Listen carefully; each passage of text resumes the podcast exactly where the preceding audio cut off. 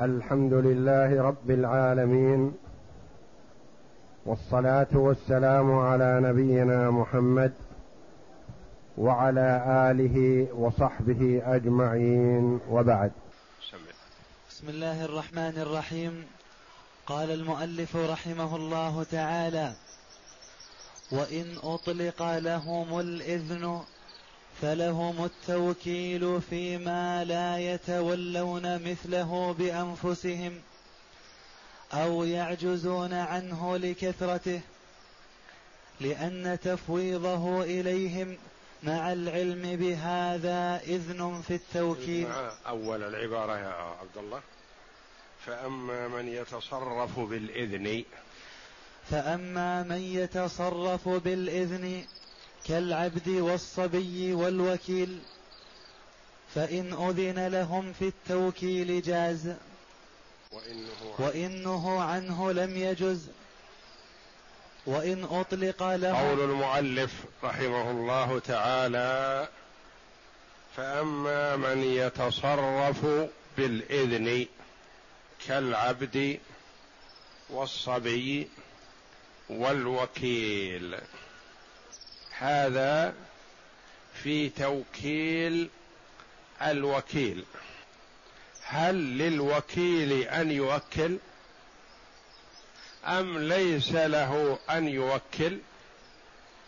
ومثل الوكيل الرقيق المملوك الذي أذن له سيده في البيع والشراء.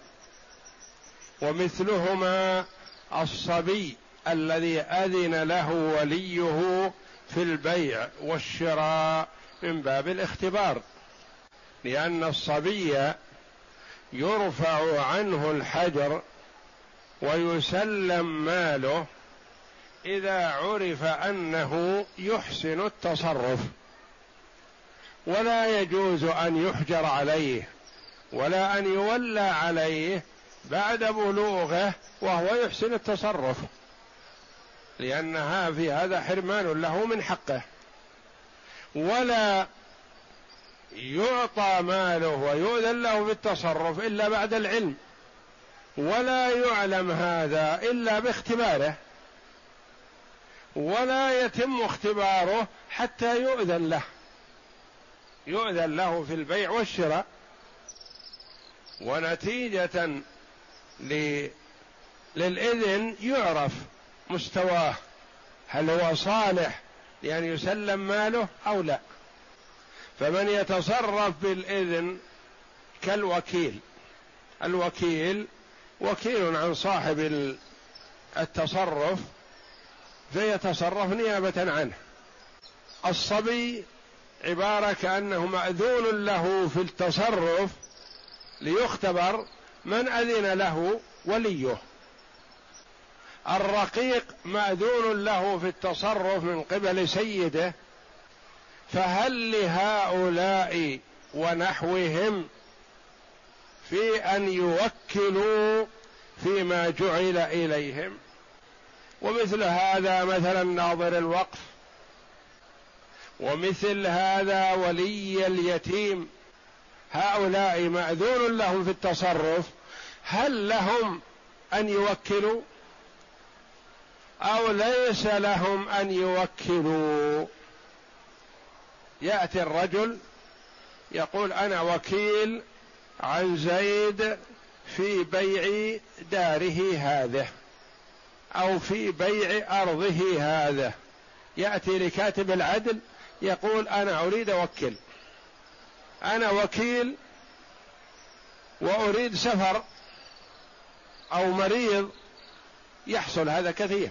فيقول أريد أن أوكل لأني موكل أنا في بيع دار زيد وأنا ما أستطيع الآن أتولاها بوكل ابني أوكل أخي أوكل جاري أوكل فردا من أفراد المسلمين. هذا كثير في عمل كتابة العدل. هل كاتب العدل يسوغ له أن يكتب الوكالة؟ وكالة من وكيل لوكيلة. يقول في تفصيل. هذا له أحوال ثلاثة. توكيل الوكيل له أحوال ثلاثة. إن أذن له في التوكيل فيوكل. منع من التوكيل فلا يوكل. نص في الوكالة وليس له حق التوكيل. هل له أن يوكل؟ لا. نص في الوكالة وله حق توكيل الغير في كل أو بعض ما جعل له. هذا كثيرا ما يكتبها كاتب العدل. وله حق التوكيل في كل أو بعض ما جعل له. هذا له أن يوكل. إذا سكت عن هذا ما أذن له ولا منع. مسكوت عنه. يقول أنا حضر عندي فلان وكل فلان في تصرف في كذا وكذا إلى آخره وختم الوكالة. هل لهذا الوكيل أن يوكل غيره؟ هذا هو محل الخلاف. أما الأول إذا جعل له حق التوكيل هذا لا إشكال فيه. إذا منع من حق التوكيل فلا إشكال فيه. يمتنع إذا سكت عن هذا فهذا محل النظر. نعم اقرأ. فأما من يتصرف فأما من يتصرف بالإذن كالعبد والصبي والوكيل. هؤلاء يعني ما يتصرفون تصرف صاحب المال في ماله. لا تصرفهم بإذن هؤلاء. ومثل هذا ناظر الوقف ومثل هذا مثلا ولي الصبي. كل هؤلاء مثلا ما لهم حق يعني مأذون لهم في هذا التصرف. يعني أعطوا إذن في التصرف. هل لهم أن يوكلوا؟ نعم. فإن أذن لهم في التوكيل جاز. هذه نص عليه في التوكيل. يقول وله حق توكيل الغير في كل أو بعض ما جعل له. يعني أنت وكلت فردا من أفراد المسلمين في تصرف في ما أمر ما.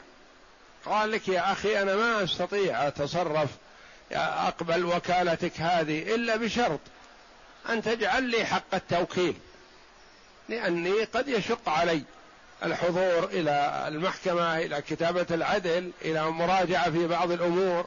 أنا أكلف مثلا من يراجع. فأنا أريد أجعل واحد وكيل عني. أنا وكيل عنك وأنا أجعل وكيل عني. فإن أذن لهم في التوكيل جاز. يعني نصف الوكالة على أن له حق توكيل الغير. جاز. نعم. وإنه عنه لم يجز. وإنه عنه لم يجز. مثلا أنت توكل صاحب مكتب عقاري مثلا في بيع أو في شراء تقول مثلا وليس له حق توكيل الغير. أنا ما أرضى أن صاحب المكتب العقاري يوكل غيره. لا هو يبشر العمل بنفسه. فأكتب في الوكالة وليس له حق توكيل الغير. فإنه هذا معنى النهي. هذا نهى عن التوكيل فليس له ذلك. أنت وكلت شخص مثلا وأراد يوكل غيره أنت ما تريد إلا هذا الشخص بعينه. أنت وكلت مثلا شخصا في المطالبة لأنك تثق فيه أنه صدوق وأنه متزن في كلامه ولن يدخل عليك الحرام وليس ضعيف تخشى يذهب حقك بتفريطه أو عدم مبالاته ونحو ذلك. أنت اخترت هذا توكل في المطالبة عنك لأمرين. لأنه ثقة فلن يدخل عليك شيء من الحرام لأن بعض الوكلاء يدخل على موكله الحرام. بالكذب وأحضار شهداء شهادة زور ونحو ذلك. وهذا يحرم على الوكيل وعلى الموكل إذا علم بذلك. هذه تخشى أن يدخل عليك شيء ليس لك. الثاني ضعيف مثلا. تخشى إنه مثلا إنه يغلب. ما عنده حجة. كما قال النبي صلى الله عليه وسلم إنكم تختصمون إلي ولعل بعضكم يكون ألحن بحجته من بعض. فأحسب أنه صادق فمن قضيت له بحق أخي فلا يأخذه وإنما هي قطعة من نار فليأخذها أو ليدعها. فبعض المخاصمين ما عنده قوة حجة فأنت ما ترضى أن يكون وكيل لك لأنه يغلب. فتنص في الوكالة وليس له حق توكيل الغير. أنا ما أريد يتوكل عني إلا زيد. ولا أريد أن يوكل زيد ولده ولا جاره ولا يوكل أخاه وإنما أريد منه هو نفسه أن يباشر الوكالة وإلا يردها علي. هذا معقول يعني لأنه يكون صاحب الحق له هدف في هذا. يقول أنا أرضى هذا الرجل يكون وكيل عني لكن ما أرضى غيره. وإنه عنه لم يجز له أن يوكل. نعم. وإن أطلق لهم الإذن فلهم التوكيل فيما لا يتولون مثله بأنفسهم أو يعجزون عنه لكثرته لأن تفويضه إليهم مع العلم بهذا إذن في التوكيل. وإن أطلق لهم يعني ما قيل للوكيل ولا توكل غيرك. ولا قيل له أذنت لك في توكيل الغير. تقول وكلت فلان في عمل كذا وكذا وكذا. نقول لا يخلو. هذا الذي وكلته فيه ما هو؟ هل عرف واطرد على أن هذا الوكيل يباشر مثل هذا العمل بنفسه يتولاه؟ هذا شيء. هل مثل هذا العمل ما يتخلص منه مثل هذا الرجل؟ لأنك وكلته في شيء كثير فلا بد يكون له وكلاء. فهذا شيء آخر. فإذا عرف أن مثل هذا العمل ما يستطيع أن يقوم به هذا الرجل فهذا إذن في توكيل الغير وإن لم ينطق به. وكلته مثلا في مراجعة البلدية وفي مراجعة الشرطة وفي مراجعة الكهرباء وفي بيع البيت وفي شراء كذا وفي بيع كذا وفي تصفية كذا إلى آخره. ما يتمكن من هذا. معلوم أن هذا الرجل ما يتمكن. ما يروح للبلدية ويروح للشرطة ويروح للإمارة ويروح للمحكمة لا. هذا معلوم إن مثل هذا الرجل ما يقوم بهذا الشغل وحده فلا بد من التوكيل هذا له حق التوكيل. وهذا معنى قوله وإن أطلق لهم الإذن فلهم التوكيل فيما لا يتولون مثله بأنفسهم أو يعجزون عنه لكثرته. وكلته مثلا في مراجعة البلدية في أمر من الأمور وهذا الرجل له وجاهة وعادة ما يروح يراجع في المكاتب من مكتب إلى مكتب ومن كذا. معروف مثل هذا يوكل غيره يعطي مثلا معقب يعطي كذا يستحي إنه يتولى هذا الأمر بنفسه. لكن أنت وثقت فيه ليتولى هذا الأمر وأنت تعرف أنه سيوكل معقب وهو سيتولى هذا بنفسه. هذا بمثابة الإذن له في التوكيل لأن هذا معروف. وكلته في عمارة بيت لك مثلا. من المعلوم ما يستطيع يتولى العمارة وإنما سيوكل ويكلف آخرين بالعمل نيابة عنه. هذا معروف. هذا لهم حق التوكيل له حق التوكيل وإن لم ينص عليه. وإن أطلق لهم الإذن فلهم التوكيل فيما لا يتولون مثله بأنفسهم أو يعجزون عنه. فيما لا يتولونه بأنفسهم يعني من الأمور التي دون مستواه. والا هو يتمكن يعني ما هو صعب عليه. لكن مثله ما يتولى التعقيد من مكتب إلى مكتب وإلا ما يشق عليه. هذا له حق التوكيل. أو يعجزون عنه لكثرته كالمثال الأول بيع وشراء وتصفية وكذا وكذا إلى آخره. ويتولى بعض هذه الأشياء لكن ما يتولاها كلها. هذا كذلك. هذا يعني تكليفه بهذا الأمر الكثير والعمل الكثير كأنه إذن منك له بأن يوكل. يوكل مثلا معقب يتابع المعاملة في شركة الكهرب يكلف معقب مثلا يتابع المعاملة في البلدية يكلف معقب مثلا يتابع المعاملة في الشرطة في الإمارة في المحكمة في كذا كذا إلى آخره. هذا تكليف. يعني كأنك أذنت له بالتكليف وإن لم تنص عليه. نعم لأن تفويضه. لأن تفويضه إليهم مع العلم بهذا مع العلم بهذا يعني كثرته على مثله أو عدم قيامه بمثل هذا العمل. أنت تعرف أن مثل هذا ما يتولى التعقيب فإذنك له وتوكيلك له إذن في توكيل الغير. لأن تفويضه. لأن تفويضه إليهم مع العلم بهذا إذن في التوكيل. إذن في التوكيل. إذا تحصل عندنا إذا صرح له بالتوكيل له يوكل. إذا منع من التوكيل فليس له أن يوكل. إذا كلف بأمر لا يتولى مثله في العادة فهذا بمثابة الإذن في التوكيل. إذا وكل في أمر ما يستطيع أن يقوم به. مثله.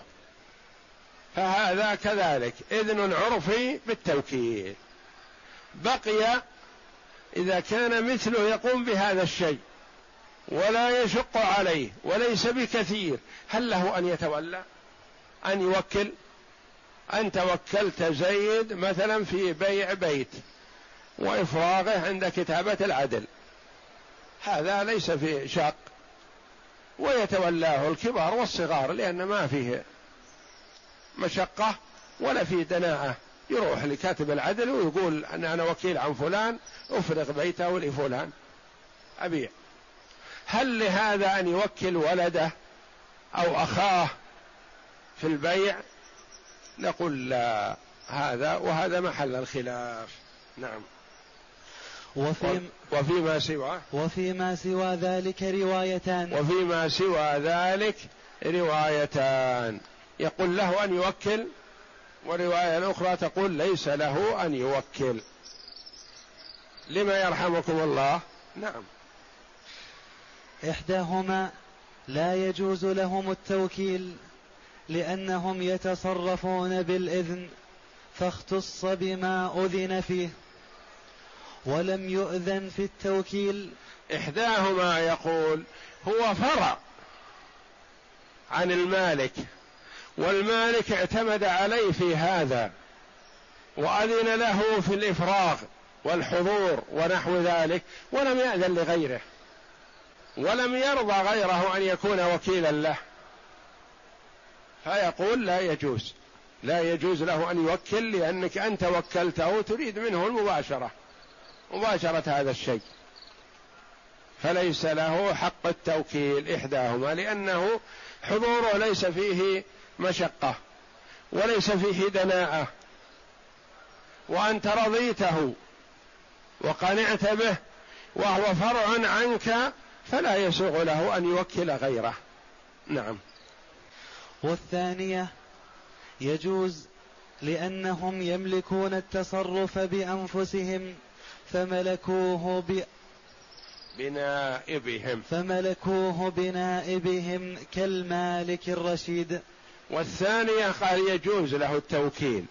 لما يرحمكم الله؟ قال لأنه يملك التصرف في نفسه. يعني هو معذول له في البيع فهو يوكل فيما أذن له فيه. ما خرج عن حدود التوكيل. يجوز لهم لأنهم يملكون التصرف في أنفسهم يعني يملك أنه يبيع ويفرغ وكذا فملكوه بنائبهم يعني أن أن نائبه ينوب عنه مثله. وليس كذلك في الحقيقة لأنك قد ترضى الشخص لأمر من الأمور ولا ترضى غيره. الرواية الأولى أولى وهي المعمول بها حاليا. على أنه إذا لم ينص في الوكالة على أنه له حق التوكيل ما يقبل كاتب العدل أن يوكل. أنت أخذت وكالة من زيد على أن تبيع بيته تذهب بهذه الوكالة إلى كاتب العدل وتقول أنا وكيل وأريد أوكل. يقول لا ما جعل لك حق التوكيل فلا توكل. زيد رضيك بنفسك ووثق فيك فما تصلح أن تنقلها لغيرك. نعم. فإن قال لوكيله اصنع ما شئت ملك هذه عبارة له حق التصرف الكامل مثلا أو يقول له اصنع ما شئت أو اعمل ما تراه مناسبا من الألفاظ العامة هل له أن يوكل أو لا؟ نعم. فإن قال لوكيله اصنع ما شئت ملك التوكيل. لأنه مما يشاء. لأنه مما يشاء. إذا قال اعمل ما شئت. أو تصرف. تصرف المالك يا أخي. أنا واثق فيك. أو اعمل ما تراه مناسبا. أو له حق في التصرف الكامل. ونحو ذلك من العبارات التي تدل على أن له حق التصرف. فإن قال لوكيله فإن قال لوكيله اصنع ما شئت ملك التوكيل. ملك التوكيل لأن التوكيل شاءه لأنه شاء التوكيل وقد جعل له أن يصنع ما شاء ومما شاءه أنه وكل. نعم. لأنه مما يشاء وولي اليتيم كالوكيل فيما ذكرناه. وولي اليتيم كما سبق مثل الوكيل فيما ذكر ومثل هذا ناظر الوقف مثلا هل له أن يبيع إلا إذا جعل له؟ نعم. ويملك الولي في النكاح التوكيل. التوكيل فيه من غير إذن المرأة لأن ويملك الولي في النكاح التوكيل فيه من غير إذن المرأة. انتبه لهذه. هذه ولي يريد يوكل. هل نقول له مثل أولئك؟ أنت ولي عبارة وكيل عن المرأة. مالك توكل غيرك في أن يتولى التزويج؟ يقول لا. له بدون الرجوع إلى المرأة. مثلا الأب. له يزوج بنته وكيل عن بنته بدون وكالة. ما هو موجود الأب الجد ولي. ما هو موجود الجد الابن إذا كانت ثيب ولها ابن. بكر ليس لها ابن. الأخ الشقيق الأخ لأب. ابن الأخ الشقيق ابن الأخ لأب. العم الشقيق العم لأب. ابن العم الشقيق ابن العم لأب. هؤلاء الأولياء بدرجاتهم. مثل العصبة في الميراث إلا في باب الأب والجد. الأب والجد مقدمان على الابن في ولاية النكاح. بخلاف الميراث فالابن مقدم في العصبة على الأب والجد لأنه إذا وجد الابن صار الأب له فرض ما يأخذ كل المال. وصار الجد إذا لم يوجد الأب له فرض السدس. فقط الأب والجد في ولاية النكاح مقدمان على الابن. والابن مقدم عليهما في الميراث. هؤلاء الأولياء مثلا الأخ الشقيق ولي الأب سنعود إليه. الأخ الشقيق ولي على أخته يزوجها. الأخ الشقيق يريد سفر ويخشى أن يكون السفر طويل.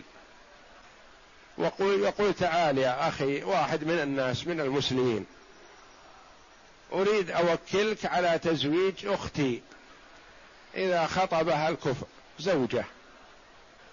هل يلزم أن يستأذن أخته في هذا؟ يقول أنا ولي وكيل عنس في النكاح. لكن بستأذن منك وكل فلان على تزويجك. هل له ذلك؟ هل يلزم هذا؟ لأنه عبارة قالوا في مثابة الوكيل ولا يوكل الوكيل إلا بعد إذن الموكل. نقول لا. يول يوكل من شاء ومن دونه ومن فوقه ولا يرجعون إلى البنت المولية المرأة ما يرجعون إليها لأن ولايتهم هذه جاءت منها هي اللي عينتهم؟ لا اللي عينهم الله جل وعلا. فالأخ مثلا يوكل شخص بعيد أو قريب في تزويج أخته. هذا كثير. مثلا تكون الأخت في مكة ووليها أخوها أو عمها أو ابن عمها أو ابن أخيها في الشام أو في مصر أو في اليمن. أو في الباكستان أو في أي مكان بعيد ويصعب عليها المجيء لأجل يزوج أخته. فيقال له أرسل وكالة. وكل فلان يزوج أختك. فهل يلزم أن يرجع لأخته؟ يقول لها أنا أريد اوكل فلان. أو ما ترغبين فلان نوكل فلان نشاورها نقول لا ما لا إذن في هذا. ما لا إذن في هذا لأنك أنت ما تلقيت الوكالة منها والولاية فلك أن توكل من شئت من تراه كفء وهو يحل محلك. نعم ويملك. ويملك الولي في النكاح التوكيل فيه من غير إذن المرأة. من غير إذن المرأة التي يراد تزويجها.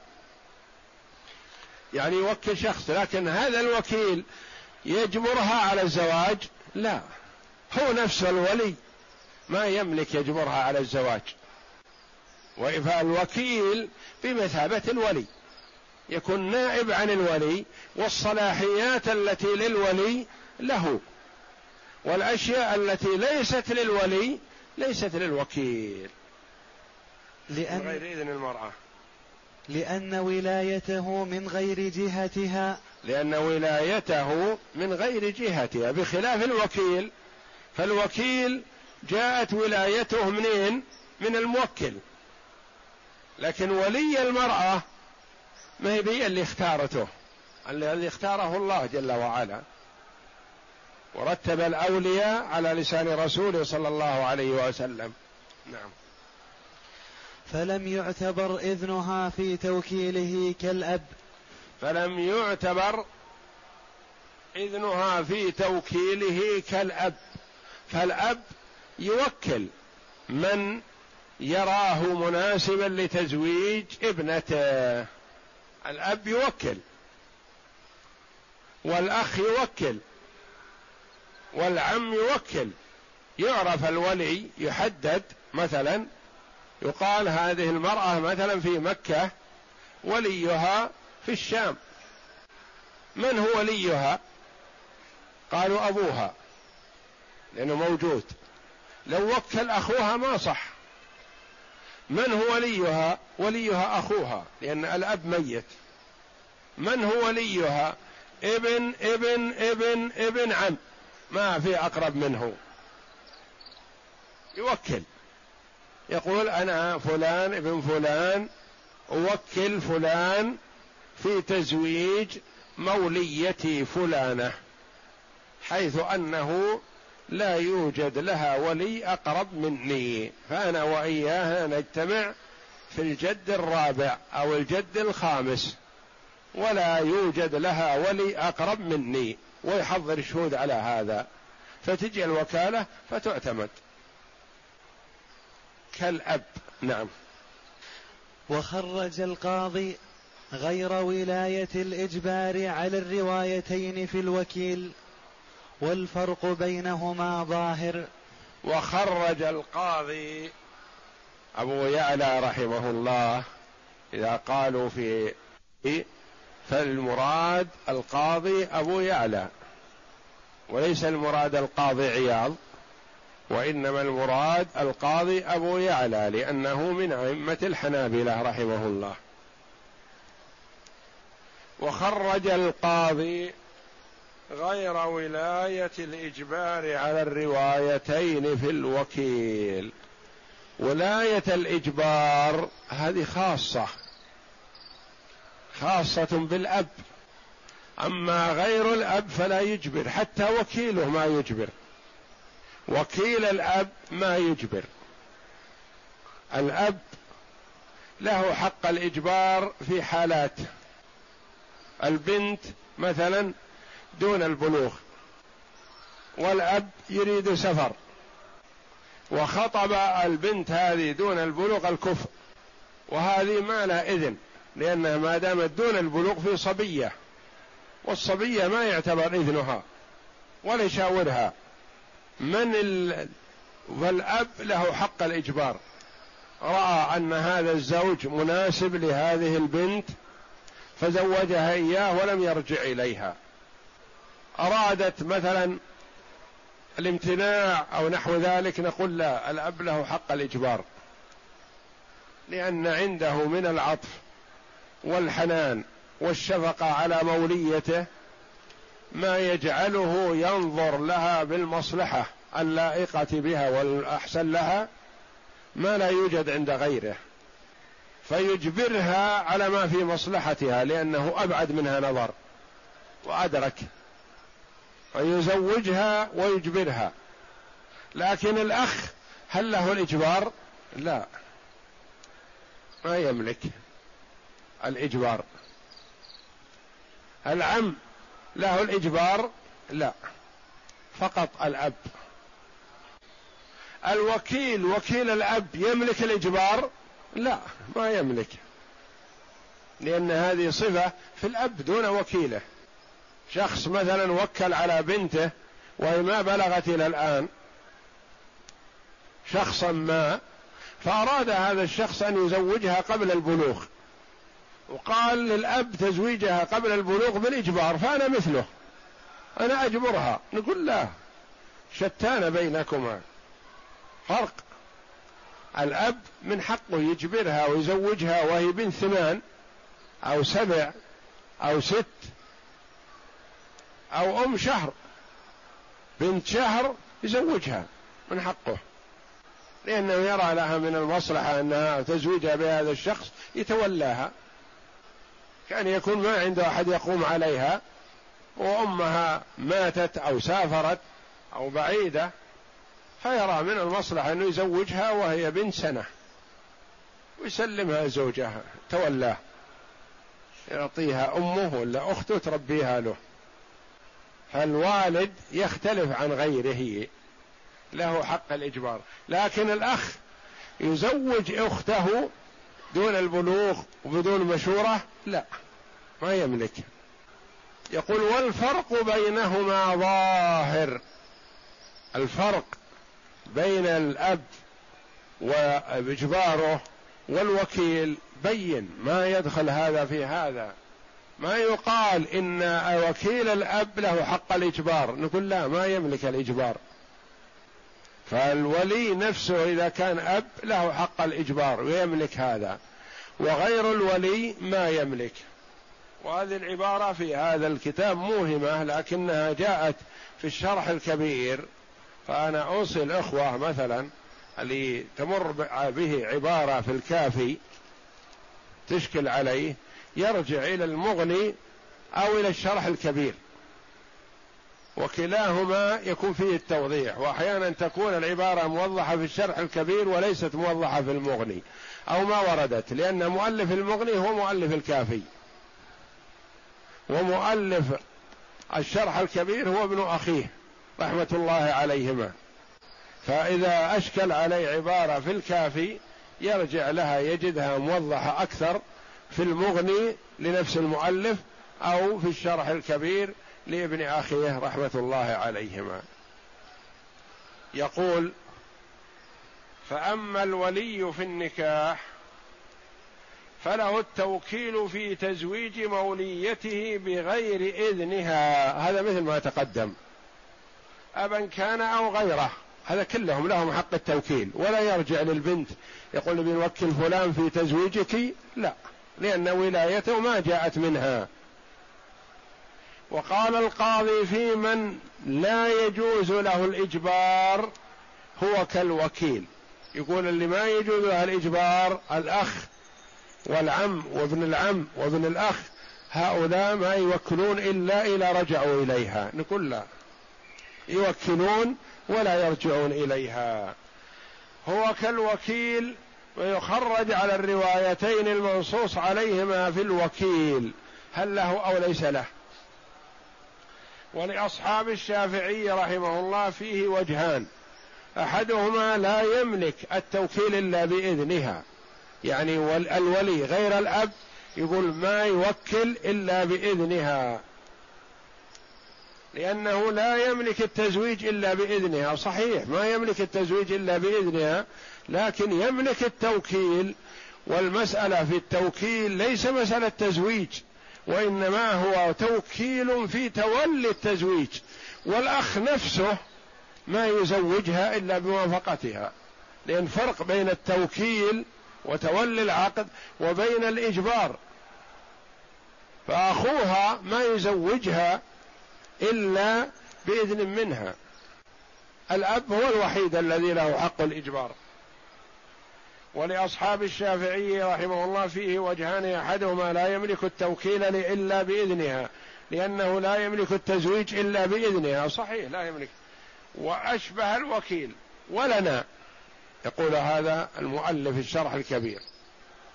ولنا أن ولايته من غير جهتها. ولاية الولي ما جاءت من جهة المرأة وإنما جاءت من الله. فلم يعتبر إذنها في توكيله فيها كالأب أو مثل الأب بخلاف الوكيل فإن الولي متصرف بحكم الولاية الشرعية. الوكيل يختلف عن الولي. الولي الوكيل يصح يوكل زيد أو يوكل عمرو أو يوكل بكر. والولاية ما يصح نقول ابن العم هذا هو الولي نتركه وناخذ ابن ابن العم. لا ما يسوغ لنا ذلك لأن الولاية لهذا بعينه ولا تنتقل عنه لغيره إلا لعدم صلاحيته. فإن الولي متصرف بحكم الولاية الشرعية لا بحكم الوكالة. أشبه الحاكم. ولأن الحاكم يملك تفويض عقود الأنكحة إلى غيره بإذن بغير إذن النساء. الولي يقيس على مثل الحاكم. يعني الحاكم حاكم البلاد هو ولي من لا ولي له. بولاية وبمنطوق النبي صلى الله عليه وسلم. بقوله صلى الله عليه وسلم لا نكاح إلا بولي. واي امرأة أنكحت نفسها فنكاحها باطل باطل باطل. فإن اشتجروا يعني الأولياء فالسلطان ولي من لا ولي له اللهم صل على محمد. فالسلطان ولي من لا ولي له السلطان قد لا يتولى تزويج النساء وإنما يوكل يجعل مأذون خاص أو وكيل عنه أو يجعله للقاضي ولا يشاور النساء. من جاءت تريد الزواج مثلا يقول نستأذنك في أن نوكل فلان يتولى تزويجك. لا القاضي الحاكم نفسه ولي الأمر يكون له وكيل يتولى تزويج الأيمات اللاتي ليس لهن أولياء ولا يرجع للنساء. ما يرجع للمرأة يقول تريدين نوكل فلان ولا نوكل فلان عنك؟ لا لأنه هو نفس الولي وهو حقه التوكيل. ولأن الحاكم يملك تفويض عقود الأنكحة إلى غيره بغير إذن النساء فكذلك الولي. الولي كذلك يوكل. ثم إن هذا الولي وكيله يجبر؟ لا. وكيله ما يجبر وإنما يتولى. فكذلك الولي وما ذكروه يبطل بالحاكم. الحاكم هو يرجع للنساء في قوله لهن نريد نوكل عنك فلان. والذي يعتبر إذنها فيه هو غير ما يوكل فيه. هو ما وكله أنه يجبرها وإنما وكله في أن يزوجها بمن ترغب. هي لها خيار في الزوج ولكن ليس لها خيار في الوكيل. مثلا هي لها خيار في الوكيل تقول مثلا ما بي الحاكم يتولى عنه أبي يتولى زيد ولا عمرو؟ يصح. لا تكون بهذا ردت قول النبي صلى الله عليه وسلم. فالوكيل الوكيل ينوب عن الحاكم وينوب عن الولي في التزويج لكن ما يملك لا هو ولا الحاكم ولا الولي غير الأب إرغامها على زوج معين. فالإرغام على زوج معين غير موضوع التوكيل والتزويج. الإرغام ما يملك حتى الحاكم ما يجبرها على شخص معين. إنما الإجبار خاص بالاب والذي يعتبر إذنها فيه هو غير ما يوكل فيه. الإذن إذنها في التزويج. ترغبين فلان؟ تقول لا ما أرغبه. يملك الوكيل أو الولي أو الحاكم يزوجها فيه وهي تقول ما ترغبه؟ لا. جاء شخص آخر خطبها قال يا ترغبين فلان؟ قالت نعم. نعم يزوجها الآن لأنه موكل في تزويجها. لكن ما هو موكل في إجبارها. والذي يعتبر إذنها فيه هو غير ما يوكل فيه بدليل أن الوكيل لا يستغني عن إذنها في التزويج. الولي نفسه الولي نفسه ما يستغني عن إذنها. وكيل الولي ما يستغني عن إذنها. في التزويج عن إذنها في التزويج فهو كالموكل في ذلك. والله أعلم. وصلى الله وسلم وبارك على عبده ورسول نبينا محمد وعلى آله وصحبه أجمعين.